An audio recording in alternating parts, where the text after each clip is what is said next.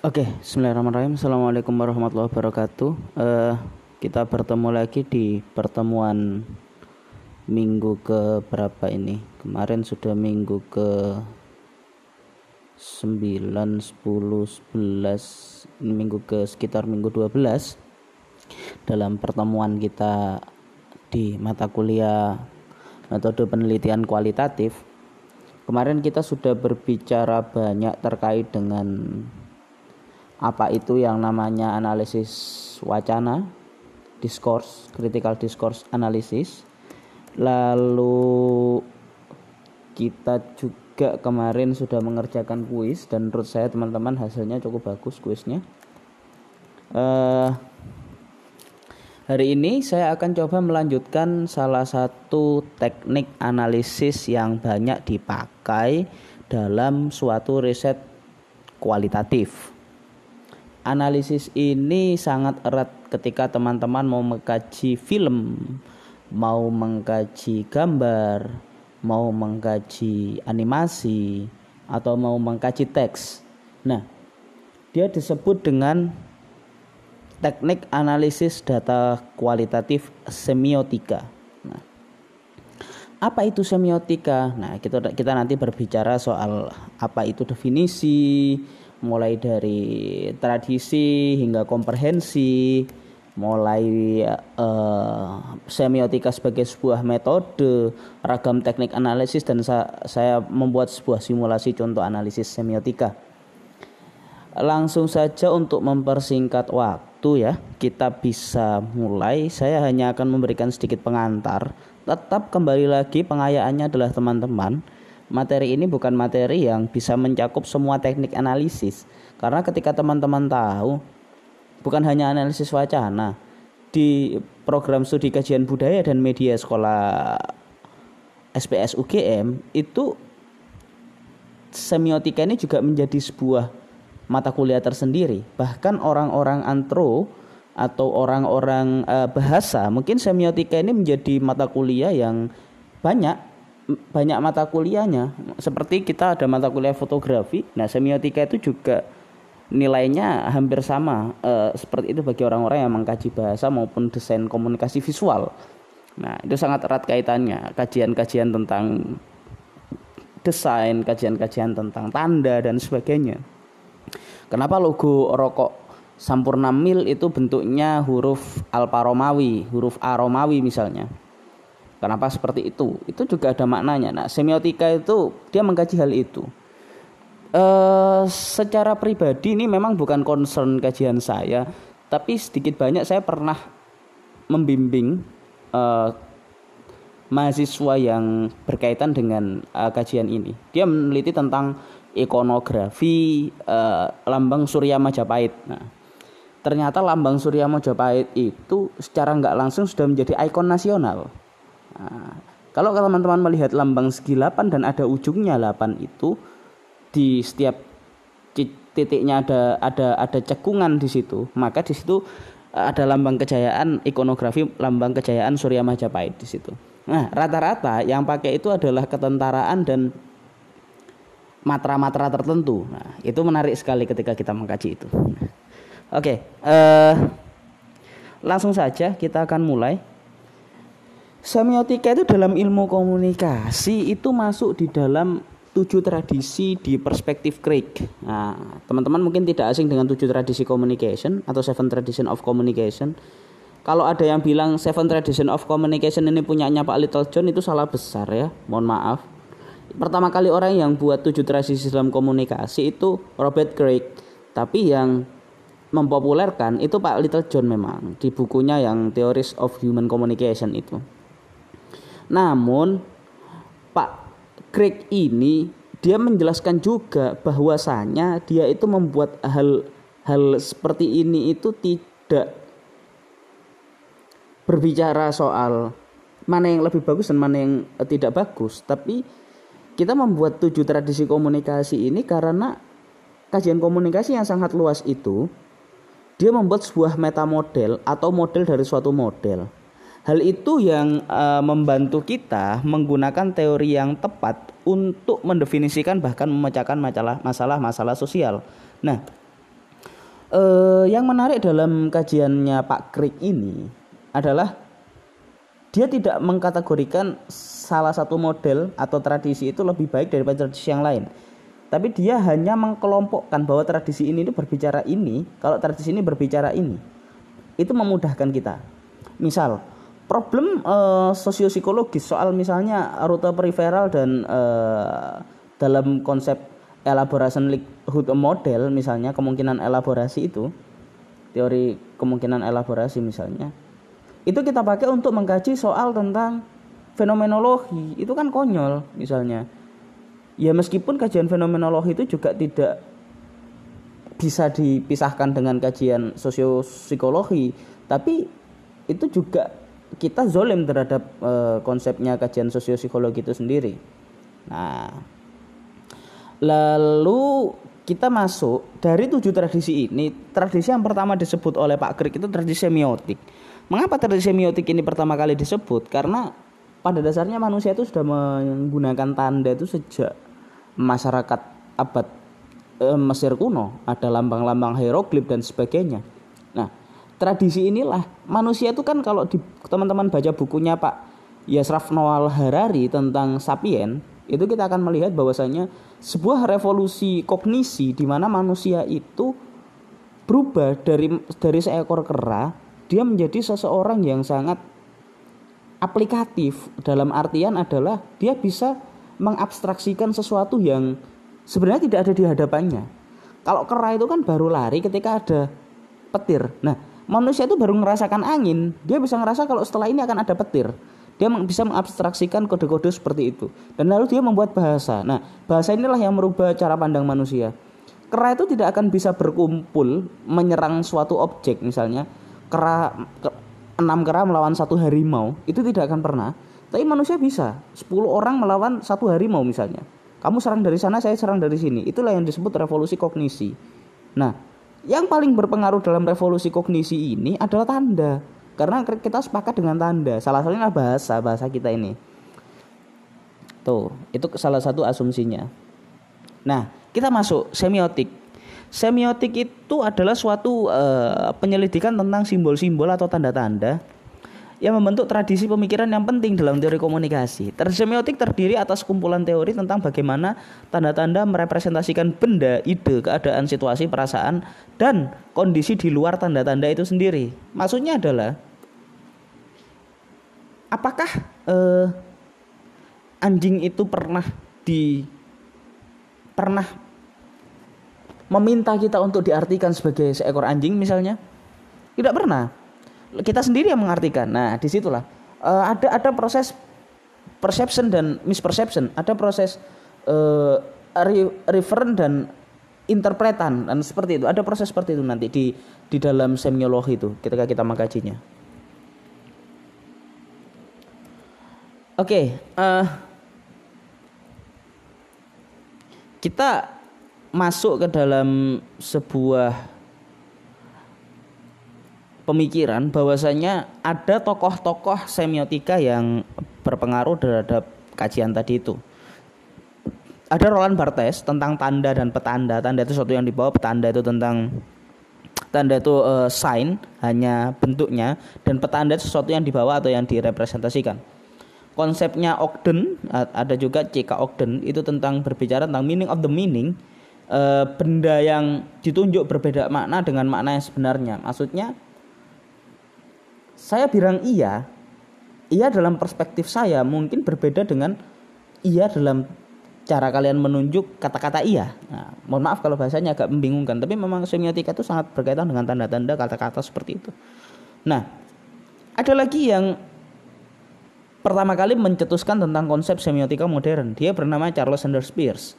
Dia menarik uh, kajiannya itu. Dia menggunakan konsep thread of the meaning atau segitiga segitiga tanda antara benda manusia sebagai penafsir dan tanda itu sendiri. Bagaimana dia direpresentasikan seperti itu. Ah, ada segitiga thread of the meaning punyanya eh meaning of the meaning punyanya C.K. Ogden ini. Silakan teman-teman uh, lihat itu sendiri. Saya buatkan. Nah, intinya adalah kita hidup dalam realitas tanda. Selalu ada tanda, benda dan penafsir dalam setiap kegiatan komunikasi. Nah, kita masuk ke semiotika sebagai sebuah metode. Apa yang e, menjadikan semiotika sebagai sebuah metode? Kalau menurut Pak Morisan, semiotika itu merupakan suatu stimulus yang mengacu pada suatu yang bukan dirinya sendiri. Nah, di sini kita bisa melihat bahwasanya manusia itu menerjemahkan terkadang dia tidak melihat arti yang sebenarnya dan bahkan memang tidak akan pernah ketemu arti yang sebenarnya. Nah, kita aja nggak tahu kok maksudnya kenapa uh, kenapa tangan ini diberi nama tangan misalnya. Kenapa tangan diberi nama tangan? Atau kenapa manusia itu diberi nama manusia? Kita tidak akan pernah tahu di situ. Nah, tapi untuk mem mem memperjelas dan untuk penyamaan persepsi, oke disepakati bahwa kita itu disebut manusia. Sampai di sini mungkin uh, bisa dipahami sedikit tentang apa itu semiologi. Nah, semiologi itu punya tiga konsep unsur kajian wilayah, ya nih. Ini mohon maaf uh, teman-teman perhatikan benar-benar tentang unsur wilayah semiologi ini yakni eh, unsur kajian yakni tentang tanda atau simbol itu sendiri bahasa dan wacana lah selain itu semiologi juga memiliki tiga wilayah kajian. Nah ini ini yang harus diperhatikan. Ada semantik sintaktik dan pragmatik. Kita akan membahasnya secara singkat lalu kemudian kita akan melakukan sebuah simulasi. Nah, terkait dengan uh, salah satu tokoh. Teori salah satu tokoh tentang semiotika.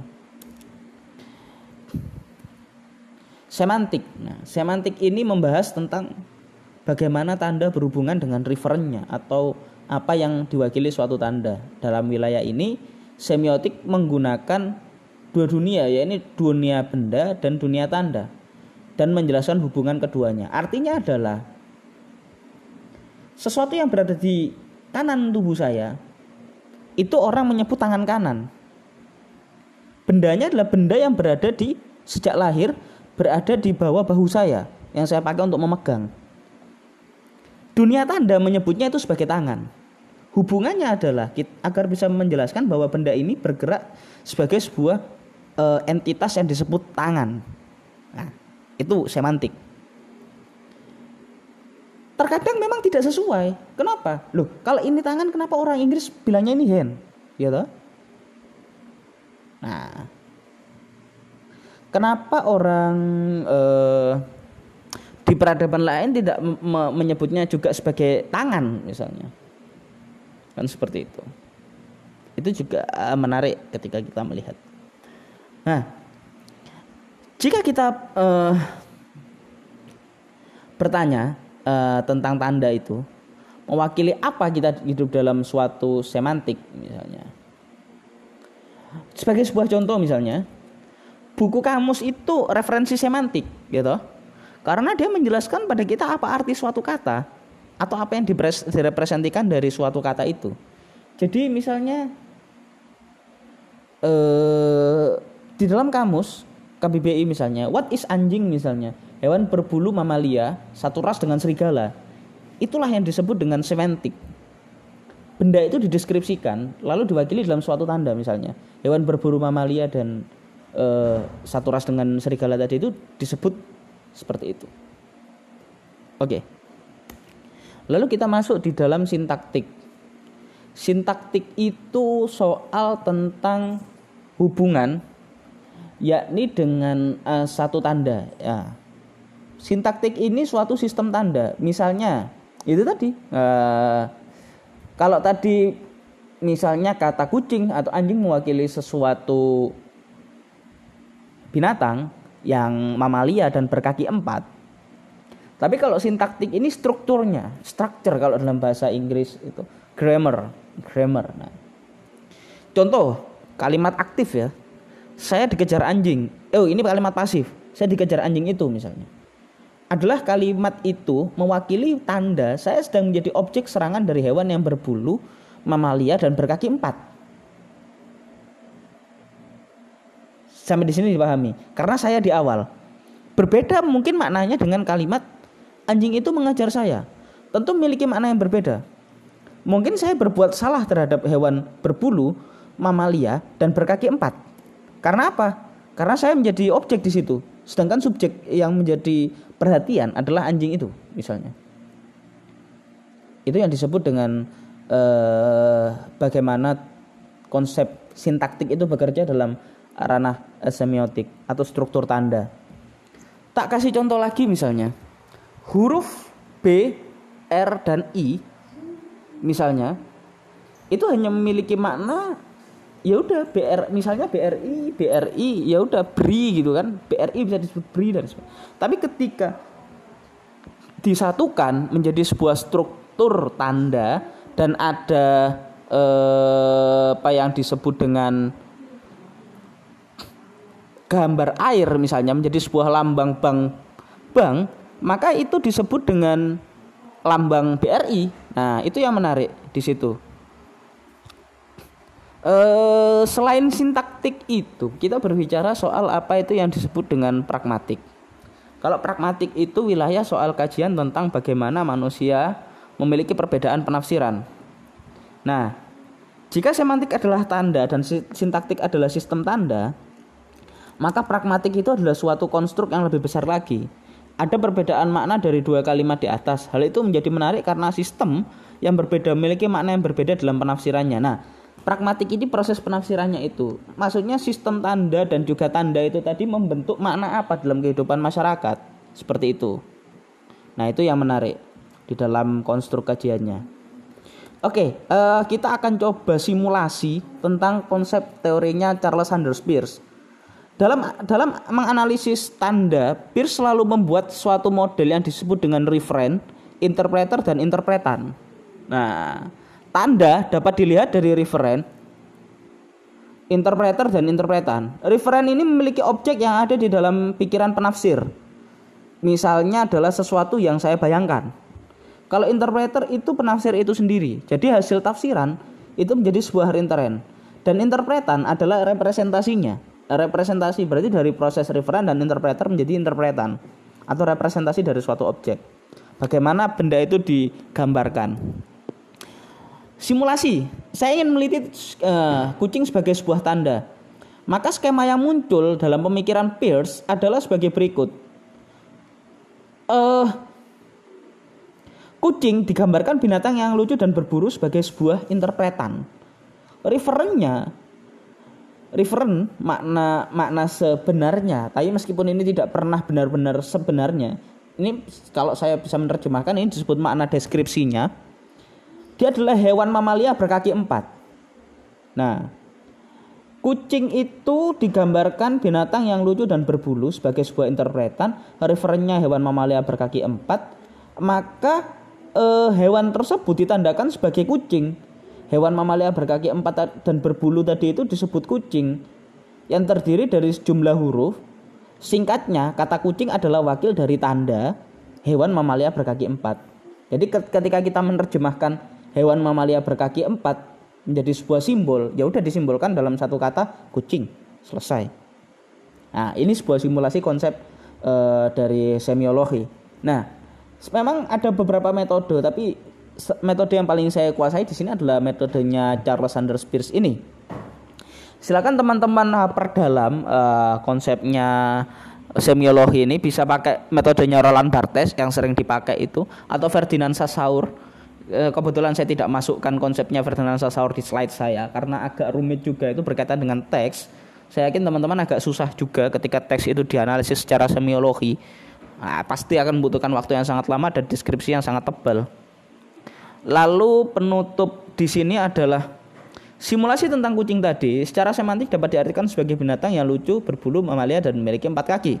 Namun secara sintaktik kita akan memberikan seperangkat uh, makna yang berbeda terhadap kucing dengan masyarakat di dalam kebudayaan Mesir kuno. Misalnya dalam sebuah struktur eh, saya sayang kucing karena lucu. Itu struktur sintaktik kita. Tentu memiliki arti yang jauh berbeda dengan budaya masyarakat Mesir kuno yang saya memuja kucing karena dia jelmaan dewa. Struktur sintaktik masyarakat Mesir kuno. Nah, saya memuja kucing. Kucing itu sebagai simbol dari pujaan. Kalau dia kucing itu sebagai simbol sebagai kasih sayang. Nah, itu itu merupakan dua yang sangat uh, berbeda dalam konsepnya.